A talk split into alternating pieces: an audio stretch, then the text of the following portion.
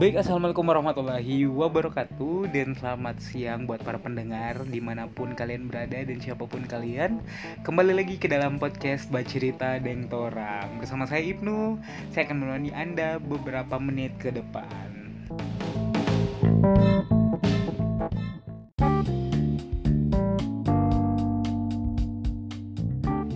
Pada edisi kali ini, saya akan membahas pengaruh literasi keuangan terhadap perilaku konsumtif mahasiswa yang ada di Institut Agama Islam Negeri Manado.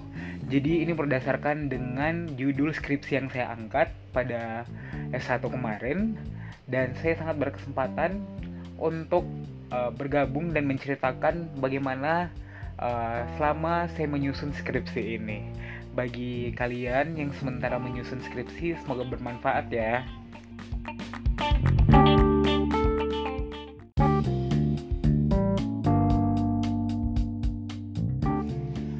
Oke, jadi langsung saja saya akan membahas apa sih sebenarnya ini literasi keuangan. Jadi, literasi keuangan adalah sikap dari individu yang mampu mengelola keuangan dengan baik untuk mencapai kesejahteraan di masa yang akan datang.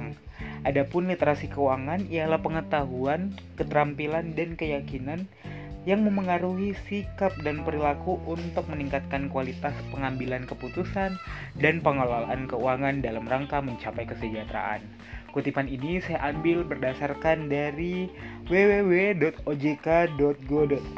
yang di mana merupakan edukasi dan perlindungan konsumen di page langsung dari Otoritas Jasa Keuangan.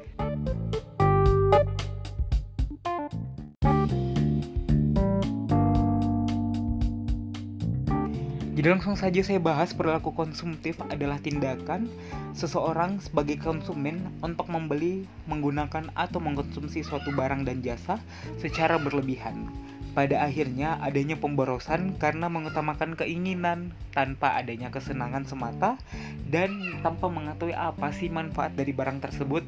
Nah, biasanya kita menemukan hal tersebut di kalangan remaja.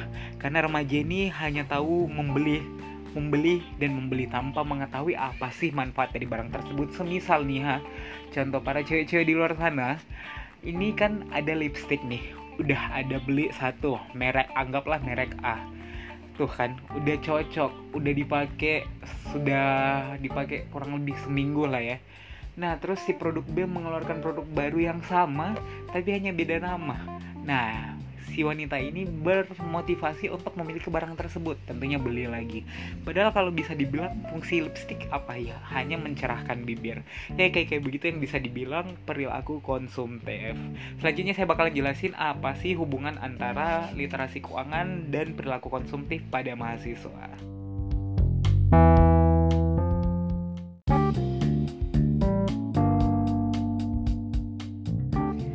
Baik itulah tadi uh, penyampaian betapa pentingnya seorang mahasiswa perlu memiliki pengetahuan literasi keuangan.